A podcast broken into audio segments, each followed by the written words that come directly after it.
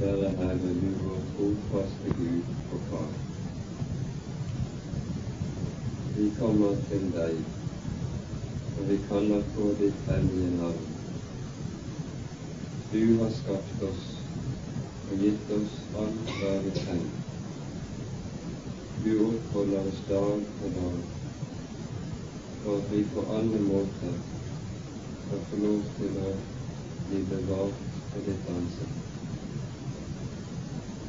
Du har gitt oss din egen sønn, en soning for all vår sønn Og du har lovet at du med ham vil gi oss alt vi trenger til liv og salighet.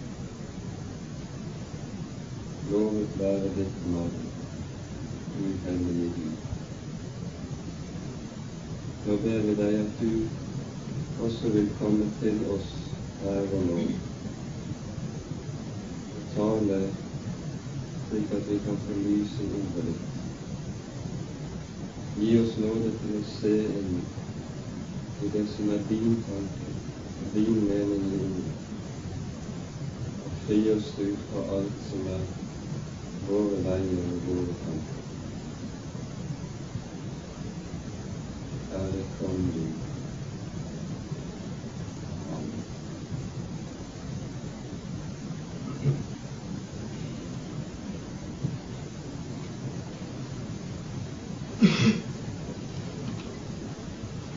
Sist gang avsluttet vi gjennomgangen av det tiende kapittelet i første Korinterbrev, som også utgjør avslutningen på det avsnittet i Korinterbrevet hvor Paulus tar opp spørsmålet om den kristne frihet og dens grenser. Og Vi så hvorledes han la den største vekt på den kristne frihet har, den har sin begrensning i kjærlighet. Friheten er ikke en frihet for det gamle mennesket. For når det gamle mennesket får frihet, så søker det bare seg selv og sitt eget. Det utnytter all sin frihet i egen interesse. Og det er ikke det som kjennetegner den kristne frihet. Den kristne frihet, den står under et annet tegn, der hvor det gamle mennesket dødes, og det nye mennesket vokser frem. Der er det tale om kjærligheten som den grunnleggende lov. Og Så kommer vi over i det neste hovedavsnittet i Korinterbrevet, som er det ellevte kapittel. Og det strekker seg frem til det 14. kapittelet. Og i hele dette avsnittet så omtaler Paulus spørsmål som har med, med den kristne gudstjenesten å gjøre. Alle de tingene som kommer inn i dette avsnittet, berører på ulike måter de første kristnes gudstjeneste, liv og samvær.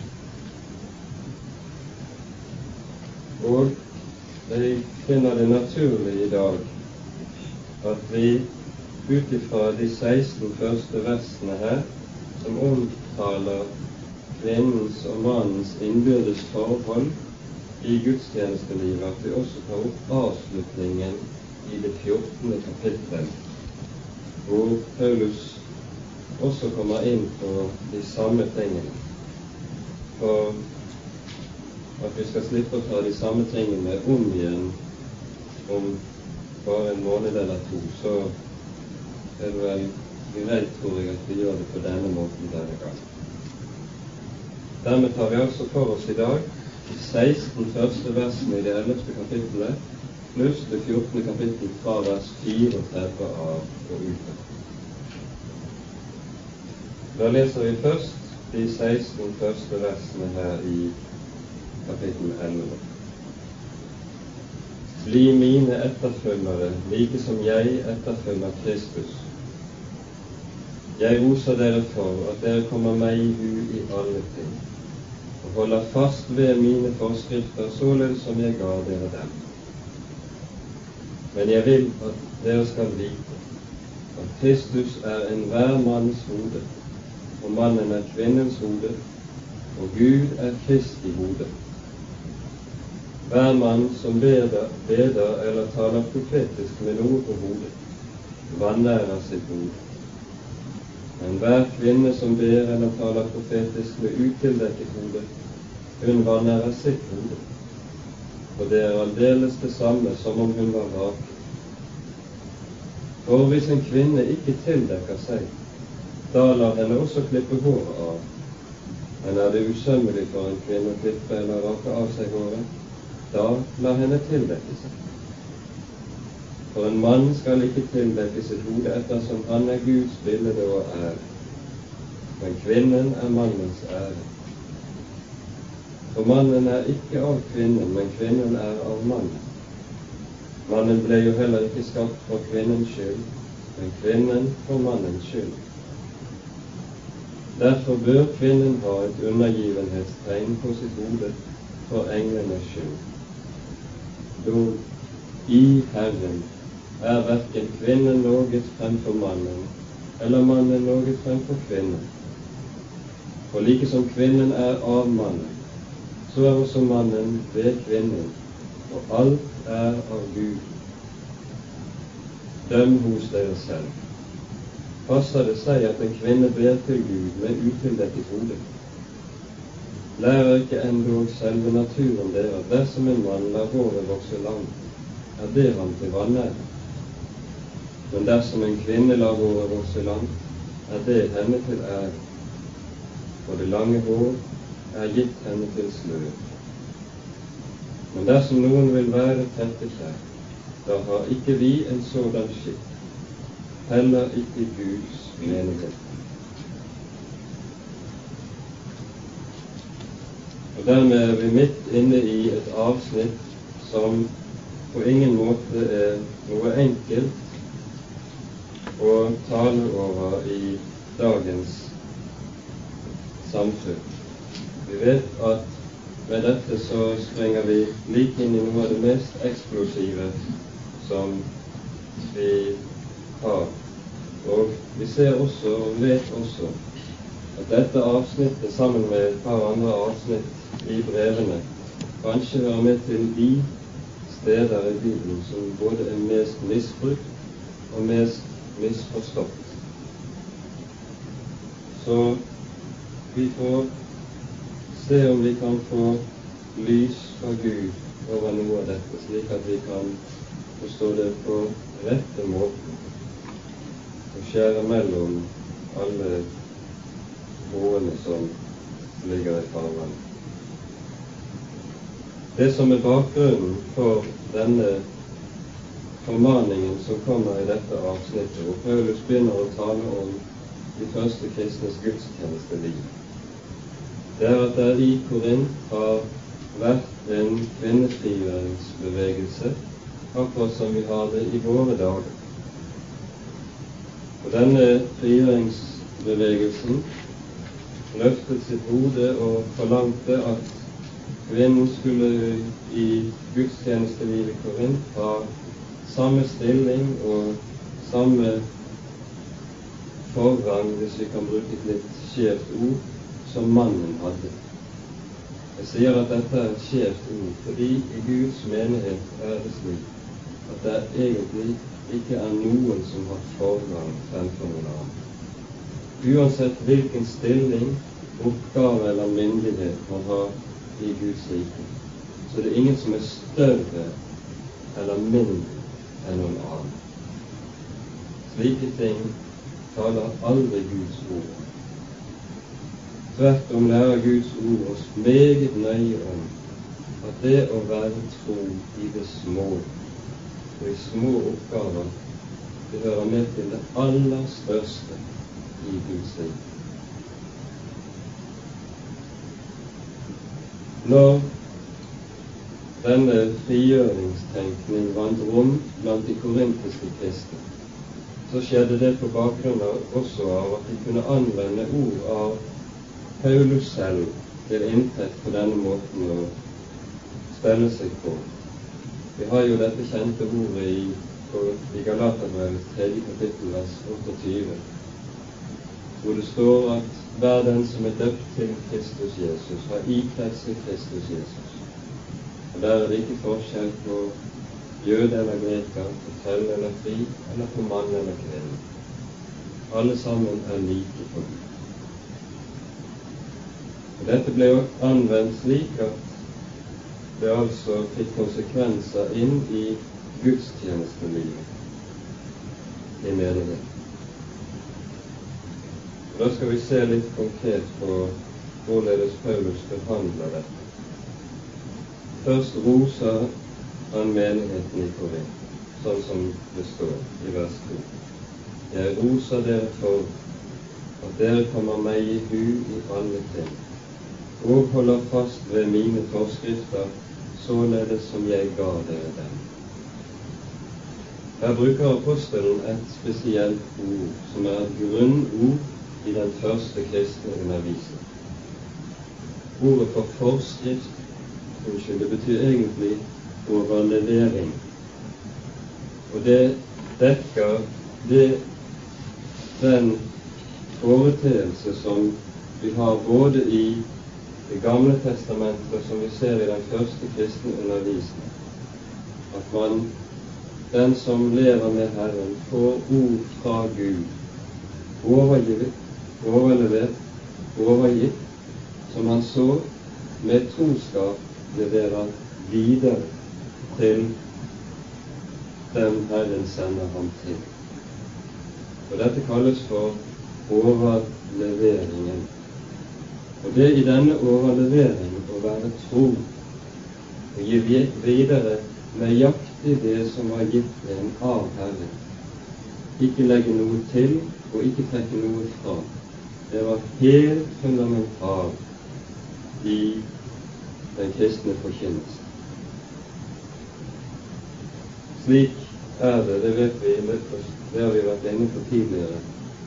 Fordi det er kjennetegn på den bibelske tro at vårt forhold til Herren er identisk med, er nøyaktig likt med, vårt forhold til Hans ord.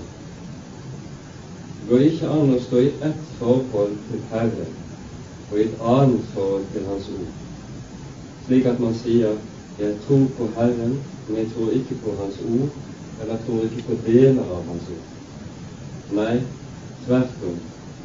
Å tro på Hans ord og tro på Han selv, det er to sider av samme sak som ikke kan skilles.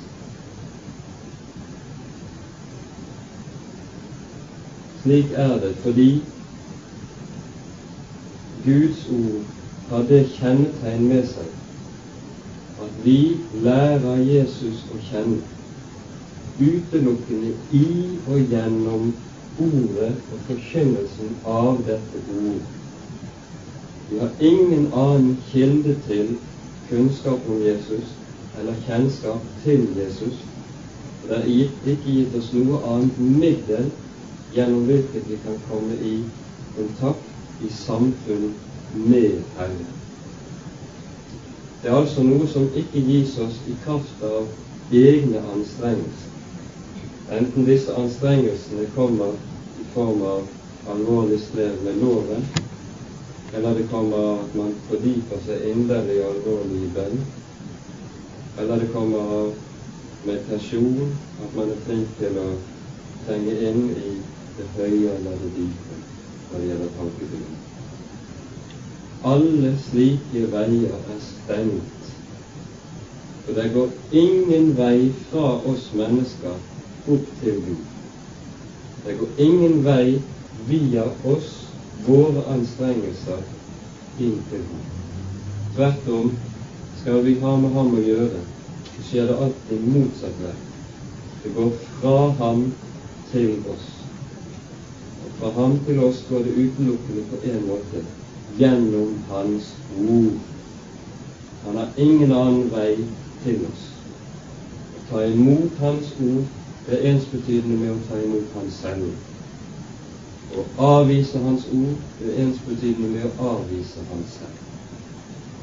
Det går ikke an å avvise eller å skille de ting. Derfor ser vi også at det legges den største vekt på i Det nye testamentet at apostlene og de første kristne de overleverer og gir videre det ord de har fått fra Herren selv. Legger ingenting til, trekker ingenting fra. Og Derfor forstår vi også at vi hører med til den kristne tros vesen og natur. Nettopp av dette her, at det ligger den største vekt på at det ord vi har fått overgitt i Skriften, det er pålitelig og troverdig ord. Det er det ordet som var talt og gitt av Herren det er ikke noe menneskelig tillegg som er kommet inn i meg. Slik taler også apostelen Paulus. Han legger den største vekt på at når han kommer til menigheten og taler til dem, så kommer han ikke med egne ord, ikke med egne meninger og oppfatninger av tingene. Men han ønsker å tre tilbake for sin egen del og utelukkende holde ett frem nemlig de ord Herren selv hadde talt til ham. De gir han videre, selv vil han tre tilbake. Derfor kan vi godt si at det gjelder som et motto for Paulus over all hans virksomhet. Det samme som røperen Johannes sier om seg selv i Johannes evangeliet 3.30. Han, altså Jesus, skal vokse, men jeg skal av. Selv ville han tre tilbake for at budskapet skulle være det eneste som sto fremme og lyste på. Ingenting annet. Dere holder fast ved mine forskrifter, således jeg som jeg ga dere, sier apostelen. Og Det er den største ros for en kristen menighet at noe slikt kan sies om den. At den holder fast på de ord som er gitt oss av Herren. Men jeg vil dere skal vite at Kristus er enhver manns hode, og mannen er kvinnens hode, og Gud er Kristi hode.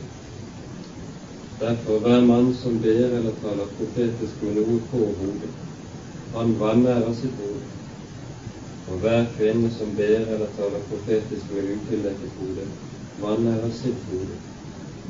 Og det er aldeles det samme som om hun var rar. Så må vi spørre hva ligger i dette, og hva menes med det som her sies? Det første vi skal merke oss i forbindelse med det som står i vers 3, det er noe som er en gjennomgående grunnsannhet gjennom hele Det nye testamentet, og for så vidt også Det gamle, at forholdet mellom mann og kvinne det er ment å være et avbilde og en anskueliggjørelse av forholdet mellom Gud eller Messias og den kristne menighet. Det anskueliggjøres ved hjelp av ekteskap. Slik er Kristus menighetens hode. Gud er Kristi hode. Men dermed skal vi også være klar over, ut fra dette som sies her Det er noe som vi trenger å se på. Det sies jo i mange sammenhenger at når du sier at mannen skal være kvinnens hode, så innebærer det en nedverdigelse av kvinnen. Slik er det absolutt ikke. Tvert om. Her er det tale om at det består et inderlig avhengighetsforhold mellom de to. På samme måte som det er nøye sammenheng mellom hodet og kroppen. Du kan ikke eksistere uten hverandre. Og at det ikke taler om noen nedverdigende i forholdet her, ser vi nettopp av at det sies at Gud er Kristi hode. Hvis det var noe nedverdigende i dette, skulle det bety at Kristus var mindre eller mindre verd eller hadde en lavere stilling enn Han som er den levende Gud og Fader. Men slik lærer Det nye testamentet oss uttrykkelig at det ikke er. Jesus er i rang og i verdighet likeverdig og likestilt med Faderen. Da det taler om at Gud er Kristi hode, så betyr hodet i Bibelen Det kommer egentlig av et uttrykk som Eh, beskriver det å ha sitt opphav i noe. Faderen er den som har født Sønnen fra evighet av. Slik er Faderen Kristi hode i denne meningen. Slik brukes også uttrykket herde ser vi lenger nede i avsnittet, når det tales om at mannen er kvinnens hode, i og med at det i skapelsesforretningen tales om at kvinnen er blitt til ut av mannen. Det er altså tale om det opphavet og deres innbyrdes forhold som følge av opphavet. Det er ikke tale om forskjell i rang eller verdighet når dette ordet brukes. Dersom det skulle brukes et uttrykk hvor det er tale om forskjell i rang eller verdighet, da hadde Paulus brukt et annet ord da hadde han sagt i stedet for hode, da hadde han sagt herre. Slik er gresk språklig. Men nettopp det ordet gjør han ikke bruk av i sammenheng. Legg merke til det. Men om det er slik, det sier, sies uttrykkelig i skapelsesberetningen også, det vet vi, at Faderen og Sønnen taler i sitt råd og sier, la oss gjøre kvinne som skal være mannens like, sies i Første Mosebok 2. Og hun skal være en medhjelp, står det i vår oversettelse for mann. Det sies uttrykkelig at kvinnen er mannens like, og da tales det om verd. Når det sies at hun er medhjelp, da ligger det heller ikke det noe som sier noe om mindre verdi eller lavere rang. For det ordet som brukes om medhjelp i denne sammenhengen, det brukes andre steder i Bibelen om Gud selv, hvor det sies at Herren er min hjelp. Da kan det i hvert fall ikke innebære noe mindre når et slikt ord brukes også om Herren. I det hele tatt er det en grunnsannhet i Bibelen når det er tale om forholdet mellom kjønnene, at det er overhodet ingen forskjell i manns og kvinnes verdi. De er like verdige overfor Gud, og de er like verdige også overfor mennesker. Her skiller Det nye testamentet seg nettopp fra sin omverden og fra sin samtid. I gresk og helenistisk tenkning var det slik at kvinnen hadde beregnet som mindreverdig eller høyeste. Grekerne kunne i mange sammenhenger gått for seg til å si at kvinnen var en som ikke hadde sjel. Og blant jødene kunne det også være tilsvarende forestillinger ute på. F.eks. finner vi i den jødiske morgenbønnen som hver eneste mann skal be hver morgen. Så blant en rekke takksigelser så skal den jødiske mann si også til Gud jeg takker deg, Herre, himmelens og jordens skaper, fordi du ikke har skapt meg som kvinne. Slik ser vi at kvinnen er helt annerledes ansett i jødedommen enn i kristendommen. Slike bønner og slike tanker finner vi ikke i Det nye testamentet. Motsatt, og det skal vi komme inn på litt senere, så oppsto det i omtrent på samme tid som den kristne tro begynte å vokse frem, en retning som heter gnostisismen, som representerte et konglomerat av ulike slags trosforestillinger og retninger. Det var en blandingsreligion. Der ble kvinnen hovedpersonen i spørsmålet om frelse. Mannen representerte det onde, og det mannlige representerte det onde prinsippet i tilværelsen, mens det kvinnelige med modergudinnen i spissen representerte det egentlige og det gode. Slike tanker er også fullstendig fremmede for Det nye testamentet. Nye testamentet sier uttrykkelig at mann og kvinne er like verdige fra Guds hånd som skapninger, og de er begge to like dypt fallende når den taler om syndefall. Når det er spørsmål om verdi, så det er ingen forskjell. Og Dette demonstrerer jo Jesus også med all ønskelig tydelighet i sitt virke, det han på enhver måte går utover det som var vanlig praksis i samtiden, blant rabbinerne f.eks. Han behandler kvinnen på en helt annen måte med respekt enn rabbinerne gjorde. Ta dem inn i sitt følge, det kunne aldri en rabbiner gjøre. Og de sitter ved hans føtter og hører på hans ord og slikt kunne aldri forekomme blant rabbiner. Men her kommer vi til dette men. Og det er dette vi i dag har så vondt for å følge med i. At mann og kvinne har like høy verdi, rang og stilling i forhold til Gud, slik som Paulus også poengterer både her i vers 11 og 12 i Galatane 3, som vi leste fra i sted.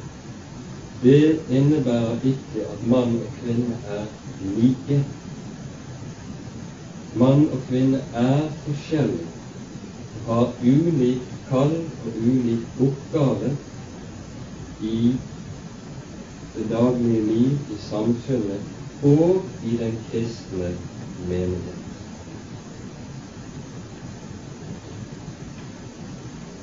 Og det at de to er ulike, det skulle i menighetslivet gi seg uttrykk slik at når kvinnen skulle ta, tale profetisk eller be under menighetens gudstjenestesamlinger, så skulle hun tildekke sitt hode.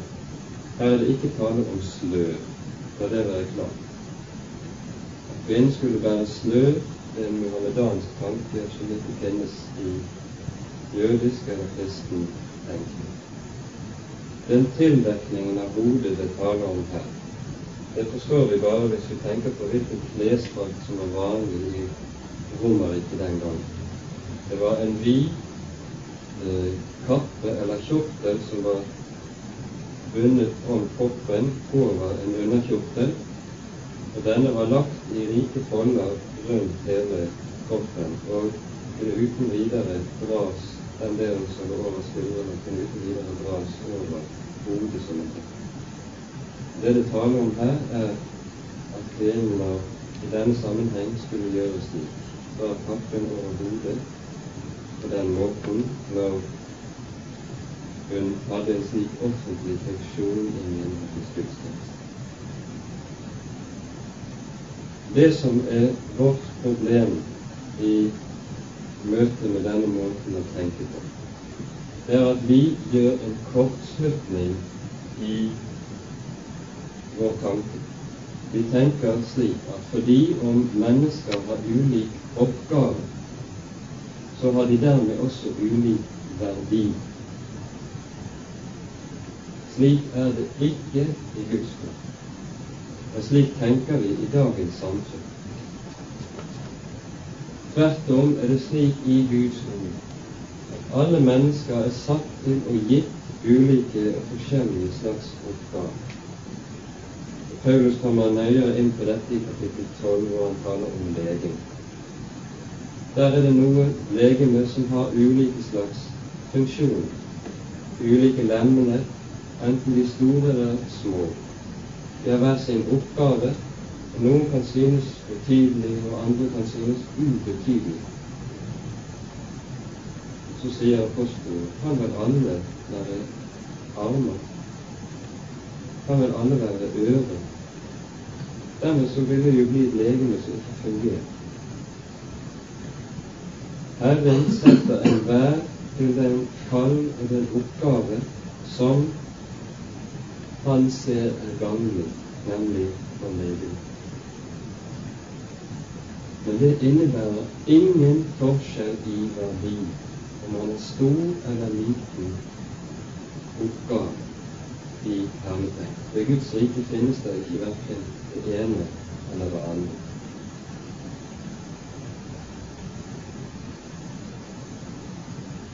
Slik er altså mann og kvinne gitt ulik oppgave det de er forskjellige fra Guds hånd som skapning. Og Dette er viktig å være klar over. Og måten apostelen tenker på her, den er grunnleggende i Bibels tenkning når det gjelder vårt liv i denne verden overhodet. Det er nemlig slik, det ser vi også at Jesus gjør når han taler om ekteskap i Matteusevangeliets 19. Så spørres han av eh, disiplene er det lovlig å skille seg fra en kvinne eh, av enhver grunn. Nei, sier Jesus, det er det ikke. Uh, Gud som skapte mann og kvinne, førte dem sammen, og så siterer han fra Første Mosebok, sammenføyet dem og gjorde dem til ekteskjøp. Og det Gud har sammenføyet, det skal mennesker ikke atskille. Derfor skal mannen ikke skille seg fra sin hustru uten av en bestemt grunn, dersom det er hod inn i bildet. Da er nemlig ekteskapet faktisk brutt allerede. Og Så spør de Jesus igjen hvorfor har da Moses gitt oss tillatelse til å skille oss? Og Så svarer Jesus, og det skal vi legge merke til. Det har Moses gjort for deres hårde hjerters skyld, men slik var det ikke fra begynnelsen av. Jesus henviser altså, når han skal tale om det kristne samlivet ekteskap, så går han tilbake til begynnelsen i skapelsen. Og nettopp det er noe av det som kjennetegner Nytestamentets tankegang om både dette og andre ting det er skapelsen slik, skaperverket slik det utgikk fra Guds hånd, det var godt, det var ren, det var hellig. Så kom syndefallet og ødela og dro alt ned. I søle og støv, ikke minst det som har med forholdet mellom mann og kvinne å Når frelsen så kom med Jesus, så innebærer ikke dette at hele skaperverket legges fram men det innebærer en gjenopprettelse av tilbakekoming til det uforgjengelige som var en Guds skaper. Slik var det ikke fra begynnelsen av, sier Jesus. Henviser til begynnelsen. Slik er det også, slik taler også apostelen når det gjelder det grunnleggende når det gjelder mennesket selv i dets forhold til. Når mennesket ble skapt, så var vi skapt i Guds bilde. Da fallet kom, så mistet vi Guds bilde. Det ble ødelagt. og Derfor så står det også om Adams etterkommere, når de ble født, så ble de født i Adams bilde, ikke lenger i Guds bilde.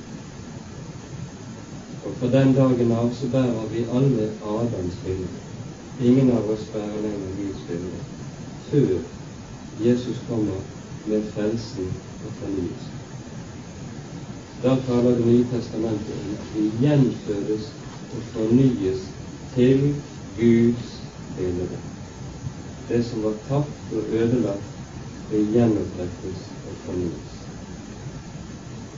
Og Det samme gjelder altså den skaperordning som gjelder forholdet mellom mann og kvinne. Mann og kvinne er fra Guds hånd av, skapt sjel, både fysisk og psykisk, med hver sin natur, med hver sin utrustning. Og de var skapt slik nettopp fordi de med sin ulikhet skulle utfylle hverandre i én. Det ligger ingen ulik verdianseelse i det.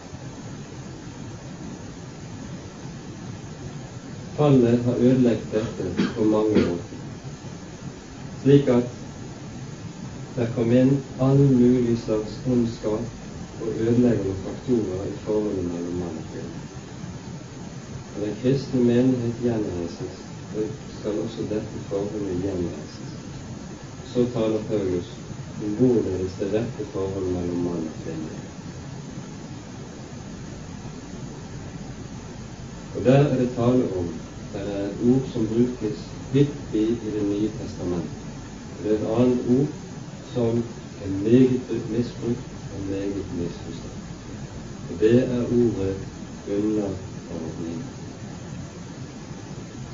Vi har jo vært inne på dette ordet tidligere i forbindelse med bibeltimen. Når ordet underordning brukes, nettopp i forholdet mellom mann og kvinne. Vi kan lese Efeserbrevets femte kapittel fra vers 21 av og utover som eksempel.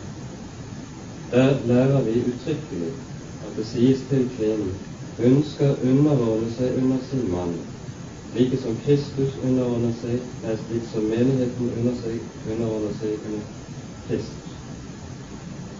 Likeledes får mannen sitt kall han skal tjene sin hustru, like som Kristus tjente menigheten og ga seg selv for det.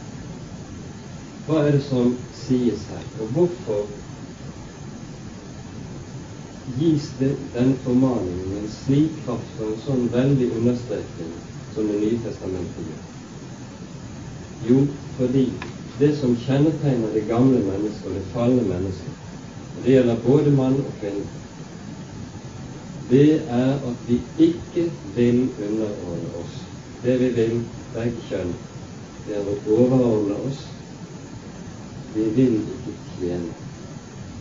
Det koster den gamle Adam altfor mye. Og Derfor er det å underordne seg det anses som noe som bare passer seg for slag. Vi vil være våre egne herrer, sier hun. Vi vil stå over vi vil ikke stå under. Men nettopp det var jo det som var kjernen i syndefallet, det.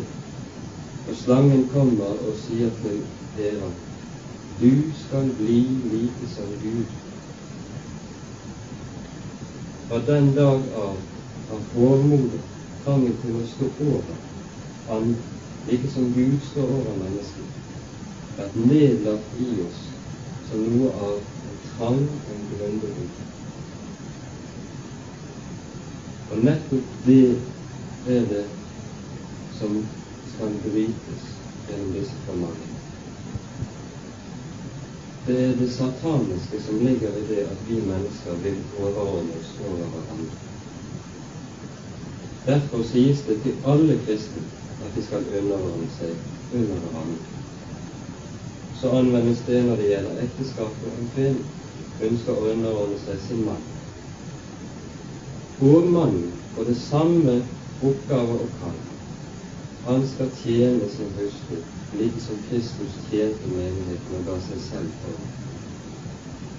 Hvordan var det? Da var det sannelig ikke tale om at Jesus kom og forlangte at hele verden skulle være hans tjener. Men han sier motsatt. Menneskesønnen er ikke kommet for å la seg tjene, men for selv å tjene og gi sitt liv til løsepenger for meg. Og Jesus sier uttrykkelig om seg selv i Matteusevangeliets 11. kapittel i det 11. verset at han er den minste i Guds rike. Han taler nemlig om det fra Johannes og sier at noen større enn det fra Johannes er født blant dem som er født av kvinner men den minste i er større ham. Det var enig det er Jesus selv, som stilte seg som den som var minst, mest foraktet og satt aller lavest av alle mennesker. skal sannelig mannen få sitt fast påstått. Han får ingen mulighet verken til å hevde seg selv eller overordne seg selv på noe som helst vis. Dette innbyrdes forhold er det altså som skal finnes mellom mann og kvinne.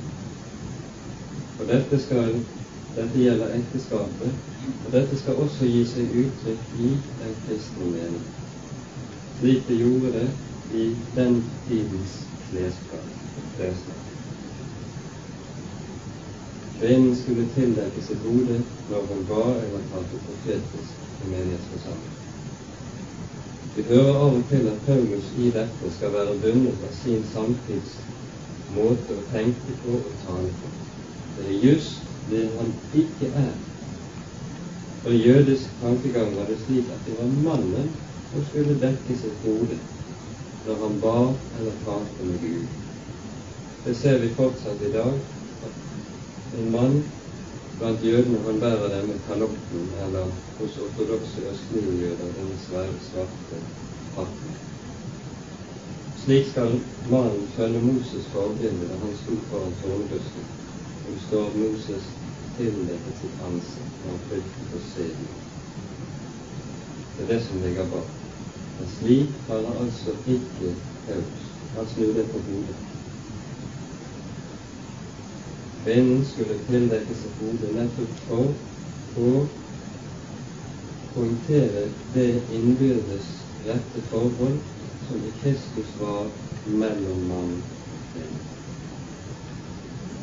For, sier han, en mann skal ikke tildekke sitt hode ettersom han er Guds bilde og ære. Kvinnen er mannens ære. Og Her poengteres igjen det som er opphavet og rekkefølgen i skaperverket, som noe som anskueliggjør det forhold som er mellom de to. For mannen er ikke av kvinnen, men kvinnen av mannen. Mannen ble jo heller ikke skapt for kvinnens skyld, men kvinnen for mannens skyld. Og bemerk hva vi har sagt om verd og verdi i denne sammenheng. Det ligger ingenting av verdi av det i disse versene. Derfor bør kvinnen ha et undergivenhetstegn på sitt hode for englenes skyld.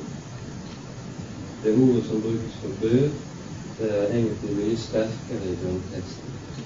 Det er påbudt at du skal ha det, sies det. Dog i Herren er verken kvinnen noe fremfor mann eller mann noe fremfor kvinnen. For liksom kvinnen av mannen, så er òg mannen ved kvinnen. Og alt er av Gud.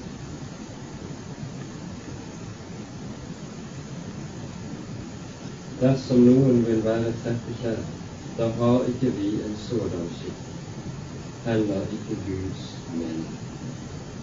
Det er avslutningen på dette avsnittet her. Her kommer Paulus til å poengtere at dette er ikke noe som bare forlanges av menigheten Korint spesielt, men gjelder alle Guds menigheter i den samtiden. Slik var det at det som var en felles kristen skikk, det var en lov for alle de kristne menigheter. Dermed tror jeg at vi går over til det 14. kapittel i denne sammenheng.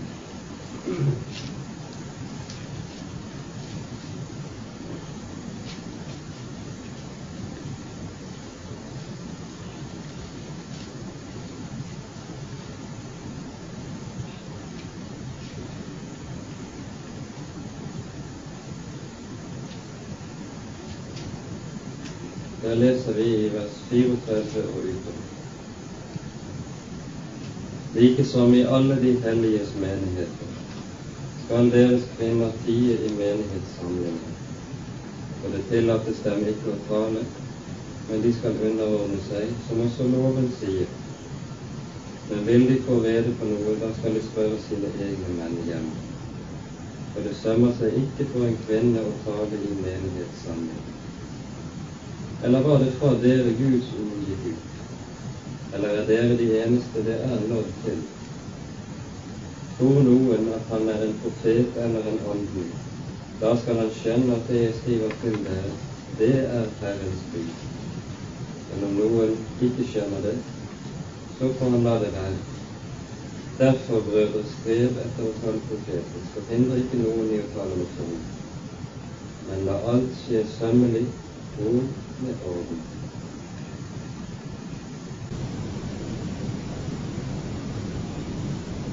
forbud mot kvinnelig prestetjeneste. Det er en parallell til dette avsnittet i første brevs andre kapittel som jeg tror vi også skal ta oss tid til å lese.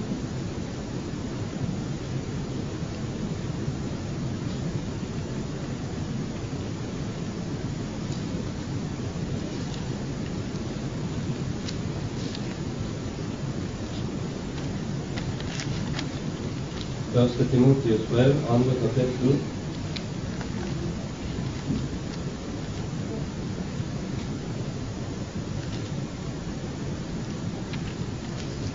Der leser vi fra vers 11 til 15.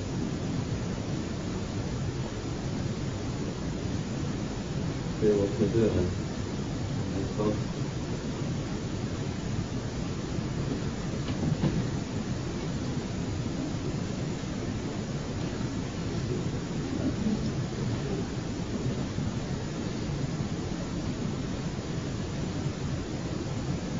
Kvinne skal la seg lære i En kvinne skal la seg lære i all stillhet med all lydighet. Men jeg tillater ikke en kvinne å være lærer eller å være mannens lærer. Hun skal være i stillhet. For Adam ble skapt først, deretter Eva. Og Adam ble ikke dåret, men kvinnen ble dåret og falt i overtredelse hun skal bli frelst gjennom sin barnefødsel, så fremt det blir i tro og kjærlighet og helliggjørelse med trosbesøk.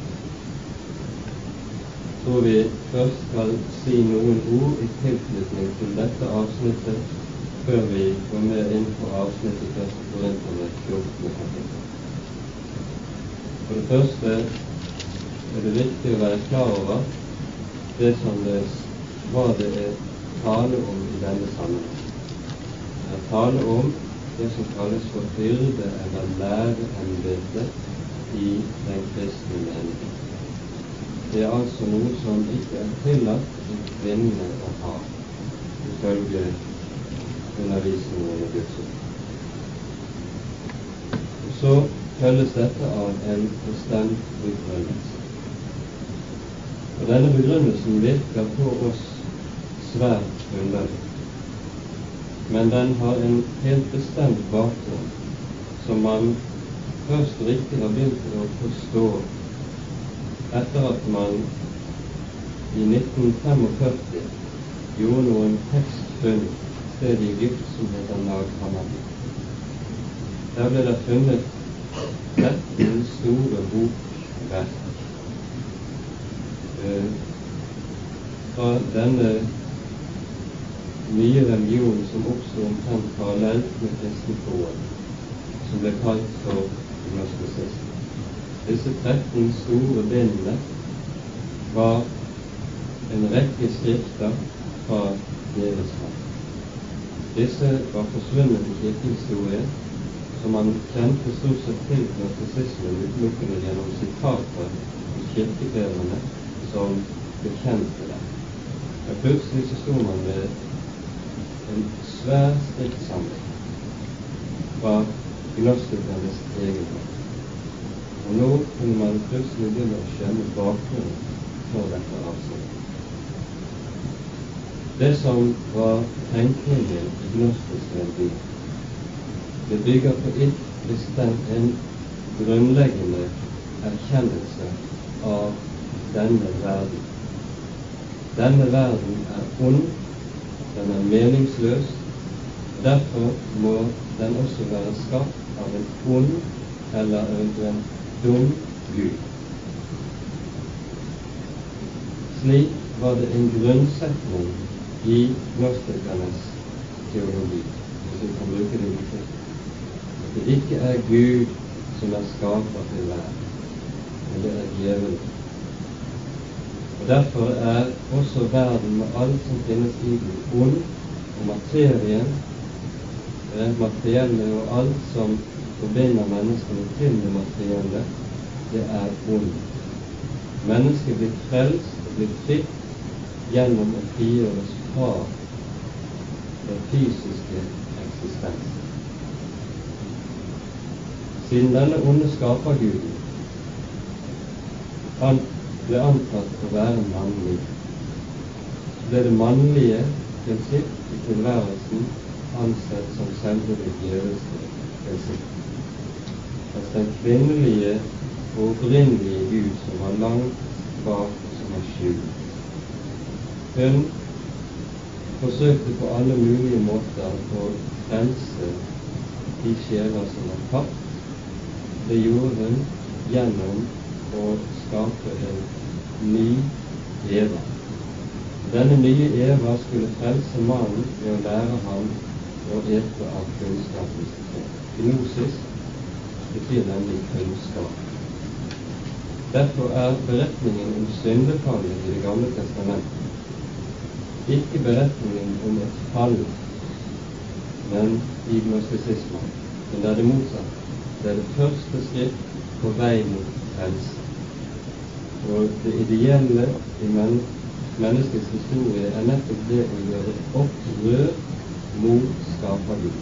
De som gjør opprør mot denne Gud, de er den sanne modergudens barn. Slik var det også at det høyt logisk i denne tankegangen skulle være kvinnen.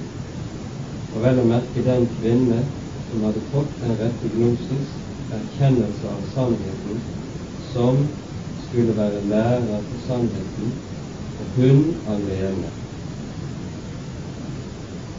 At kvinnen kunne være en slik lærer i sannheten, det kunne hun bare være dersom hun selv hadde frigjort seg fra bindingen til det materielle. Det fysiske, det som først og fremst og sterkest bandt kvinnen til den fysiske verden, det var det seksuelle samkvem, det var ekteskapet og barnefødsel. Alle ting, alt sammen representerte Gud ånde, som måtte fornektes. Nå begynner vi å skjønne bakgrunnen for dette avsnittet i, i Timotius-brevet. Her poengteres det nettopp at Adam ble skapt først, ikke den opprinnelige moderen, jordmoderen Eva, som skulle være frelser. Det var, det var kvinnen som ble dårlig først. Kvinnen var ikke frelseren i syndefallsberetningen, slik som gnostikerne sa. For barnefødselen er ikke noe ånd men tvert om det slik at gjennom helliggjørelse, tro og kjærlighet, og gjennom å leve slik i Guds ordning, som nemlig er ekteskap, så skal også frelsen være noe som har det. Og vi skjønner også forbudene ved at kvinnen skal ha overhøyet læreembetet på denne bakgrunn. Det hører med i den samme sammenheng det var nettopp de fra de gnostisk inspirerte religionene dette tenkte inn i den kristne mening. I Timotusbrevene, i Kolosserbrevet og enkelte steder i første Korinterbrev også, ser vi en helt bevisst og skarp avstandstagen hos apostelen fra den gnostiske landingsreligionen. Det underlige er at vi i dag ser denne formen for gnostisisme dukke opp igjen i moderne tid. Bente Müllers bok om disse tingene er forunderlig nok en, nesten en blåkopi av de gamle norske skriftene. Det rare er jo at man har skrevet dette uten å ane at det fantes noe som het gnostikk har lest om deres religion. Hun har fått det som en barn, sier han. Og det tror jeg så gjerne. Åpenbaring ved Bakgrunnen for denne formaningen ser vi her. Vi ser altså i gnostisismen så er vi overfor en konsekvent fordreiing og snur opp ned på alle grunnleggende ordninger i Guds. Både forholdet mellom Gud og menneske og skaperordningen i skaperverket, altså når det gjelder forholdet mellom menneskene innbyrdes, særlig ekteskap og samliv. Dermed tror jeg vi kan gå tilbake til avsnittet i første Korinterbrev 14. Her ser vi at apostelen poengterer uttrykkelig med tre forskjellige begrunnelser hvorfor en kvinne ikke skal ha læreembete i den kristne tro. For det første peker han på at dette er noe som gjelder i alle de hellige menigheter. Der skal kvinnen tie i menighetssamling. Denne tien som det taler om her, den gjelder ut fra parallellen som var i første, to, i første ting to, læreembetet. Og det gjelder ikke andre felter. Vi ser jo at apostelen nettopp tidligere har talt om at kvinnen kan forrette i menighetens gudstjenestesamling. Det er denne bestemte lære- og undervisningstjeneste som vi ikke skulle ha. En oppgavefordeling mellom kjønnene som er gitt av Gud. Og så står det Både tillates dem ikke å tale, men de skal underordne seg som også loven og Når det henvises til loven her, så har vi den første begrunnelsen. Dette har vi vært inne på tidligere, og vi vet at dette gjelder overalt i Det nye testamentet. Der hvor det er henvisning til Det gamle testamentet, så er det endegyldig og absolutt begrunnelse for noe som sies. Det gamle testamentet er Guds ord og settes ikke ut av kraft verken av Jesus eller apostelen. Der er den første begrunnelse, unnskyld, nemlig det henviselse til lov. Så et praktisk spørsmål vil de få rede på noe. Da skal de spørre sine egne menn hjemme. Det det taler om i denne sammenheng, er den undervisningsform som var vanlig i den første kristne menighet, og som var overtatt fra synagogen. Da var det nemlig slik at undervisningen preken ofte foregikk i form av at to sto foran forsamlingen som var et spørsmål og svar. Kvinnen var altså i denne funksjonen heller ikke tillatt ha spørrerens rolle. Eller var det fra dere Guds ord ut? Eller er dere de eneste det handler til? Her vil apostelen lære menigheten en rett ydmykhet. Det kan vi visst trenge noen en lære å minnes om stadig når det gjelder vår måte å si oss ut av Guds ord. Det er ikke oss ordet har utgått fra, Derfor står vi ikke over ordet. Vi er ikke slike som dermed kan fortøye over ordet heller. Alle Guds menigheter eksisterer kun i kraft av én ting, nemlig at vi står under Guds ord, og ikke over det. Forandres den grunnloven, så forsvinner grunnloven for den kristne menighets eksistens her i verden.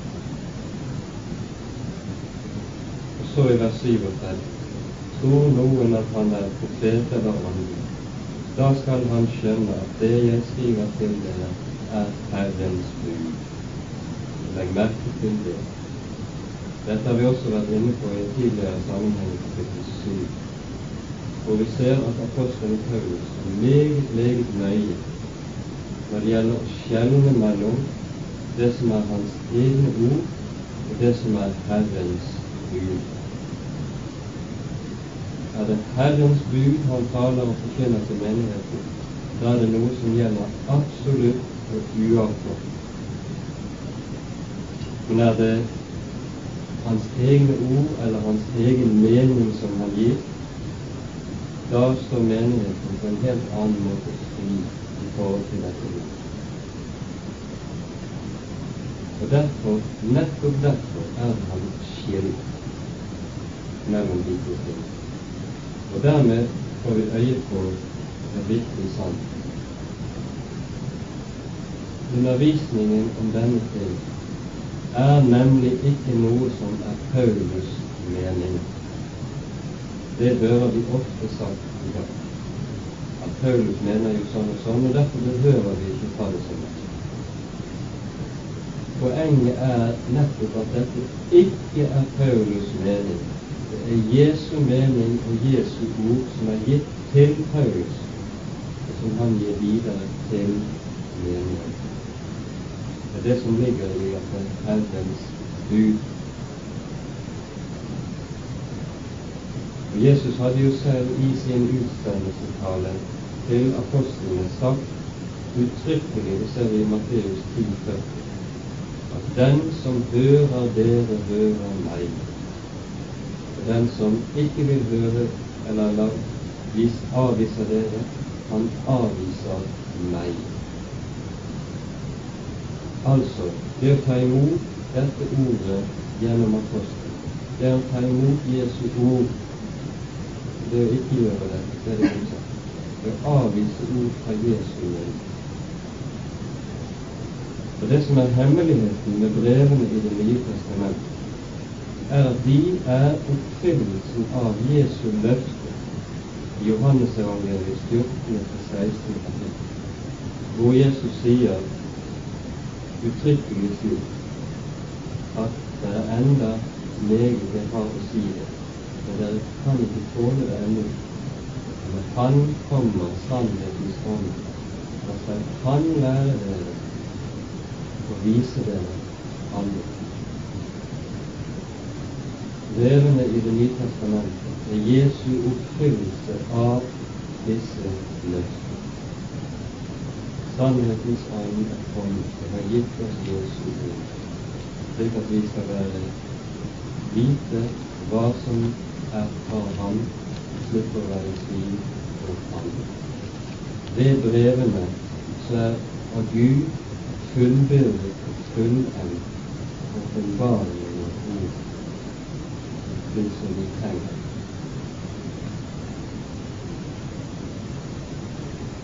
Tror noen at han er en eller åndelig, da skal han skjønne at det jeg skriver til det, er Herrens ord. Underforstått, den som ikke skjønner det, er dermed verken profet eller åndelig. Korinterne roste seg jo just av at de hadde stor innsikt i både det ene og det andre, ut ifra at de var særskilt åndelige og hadde fått spesielle åpenbaringer. Her var det en prøvestein. De skjønte og tok imot dette eller ei. Så avslutter apostelen med ord som er uhyre skarpt, som har to oversettelsesmuligheter. Den ene muligheten finner vi i vår nye oversettelse. Den lyder slik om noen ikke imot dette eller godtar det, han skal heller ikke bli godtatt, nemlig av Gud. Dermed så understrekes det, dersom dette er en rett oversettelse, det som også Jesus sier i Markusevangeliet, hvor han nettopp poengterer til det som gjelder enheten i forholdet mellom ordet og ham selv. Den som skammer seg ved meg og mine ord i denne onde og vantro han skal jeg også skamme meg ved for min fader. Hvis det er den oversettelsen som er viktig, så gjør det det samme. Men det er vanskelig å holde fast noe er riktig. At det skal være en frelsesbetingelse, betingelse det det. At det skal være en frelsesbetingelse, dette. Dermed så blir rimeligvis den andre oversettelsen den riktige. Og Da blir det slik at noen ikke kjenner dette, så får han la være å kjenne det. Underforstått forbli i sin uvitenhet. Men dermed med den dom over seg han er uvitenhet. Og ikke skal opphøye seg til å være åndelig engasjert men hans barnekår tas absolutt ut fra Det er vel rimelig at en slik oversettelse er vel rett. For vår måte å tenke på, for vår tid, så er denne talen hos apostelen vanskelig å stemme. Men og vi har mange, mange unnskyldninger for å la være å kvalifiere oss. Den mest populære, som vi vet går i svang, det er det at Paulus skulle være bundet av sin tid og sin samtid i det han sier av. Lengre fra sannheten kan vi ikke være. For vi ser i alle hans brev så ser vi hvorledes han i alle ting er så fri og så ubundet av sin samtids forestillinger og måte å tenke på som knapt noen mann har vært opp gjennom hele historien. Problemet er jo det motsatte.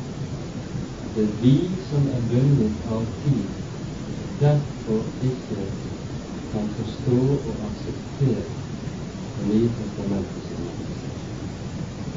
er ikke Guds ord som er uklart. Det er vår forstand som er uklar. Og I møte med Det nye testamentets forkynnelse om dette, så prøves vi prinsippet på noe av det samme som prøven sto på i syndefallet.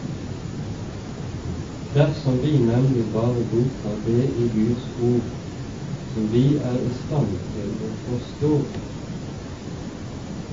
da er vi på ville vei.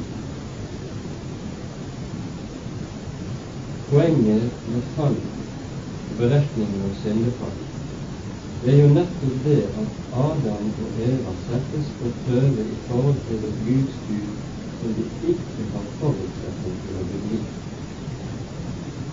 Hadde Adam og Eva fått beskjed om at de ikke skulle slå hverandre i hjel, at de ikke skulle ødelegge Edens hage eller andre slike ting, da kunne de med sin forstand forstå at dette er jo rimelig. Det begriper de. Klart det er fornuftig. Så hadde det ikke blitt så svært å overholde Guds. Men det ordet om å la være å lytte, det var ubegripelig. Vi kunne ikke forstå hensikten med det. Og Derfor så blir prøven bestående i forhold til én ting, i forhold til et ord som du kanskje ikke forstår. Men just i denne sammenheng er det jo egentlig enhver prøve i forhold til Herren En prøve av forholdet til ordet. Fremfor noe annet. Vi forstår med vår halve tanke.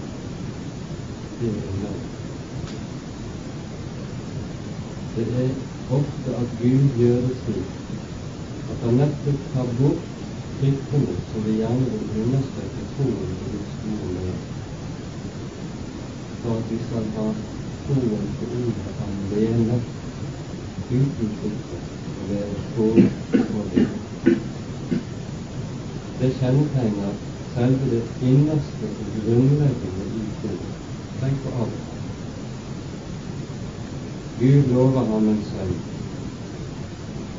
Så lenge Abraham fysisk er i stand til å avle barn, så kan han i en viss grad forstå hva Gud har lovet. Det ikke så vanskelig å tro på. Men ettersom han blir eldre og fysisk ute av stand til å fange barn, det blir umulig menneskelig talt da blir det å tro løftet om etterkomst også noe som blir svært.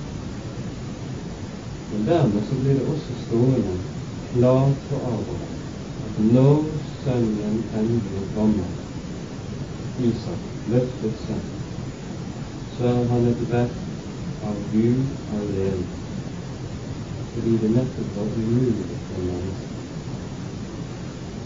Han hadde ingenting å støtte på. Og likevel Noe av den samme prøve gjelder de innerste ting i forhold i vårt forhold til Han som er. Jo, den går igjen også kanskje i dette spørsmålet. Gud har ikke gitt oss alltid vi forstår dybden av sitt men han har gitt oss den forvissning at Hans ord og Hans vilje for oss er god, selv om vi kanskje Я нарушил и там танцует. Танцует. Танцует.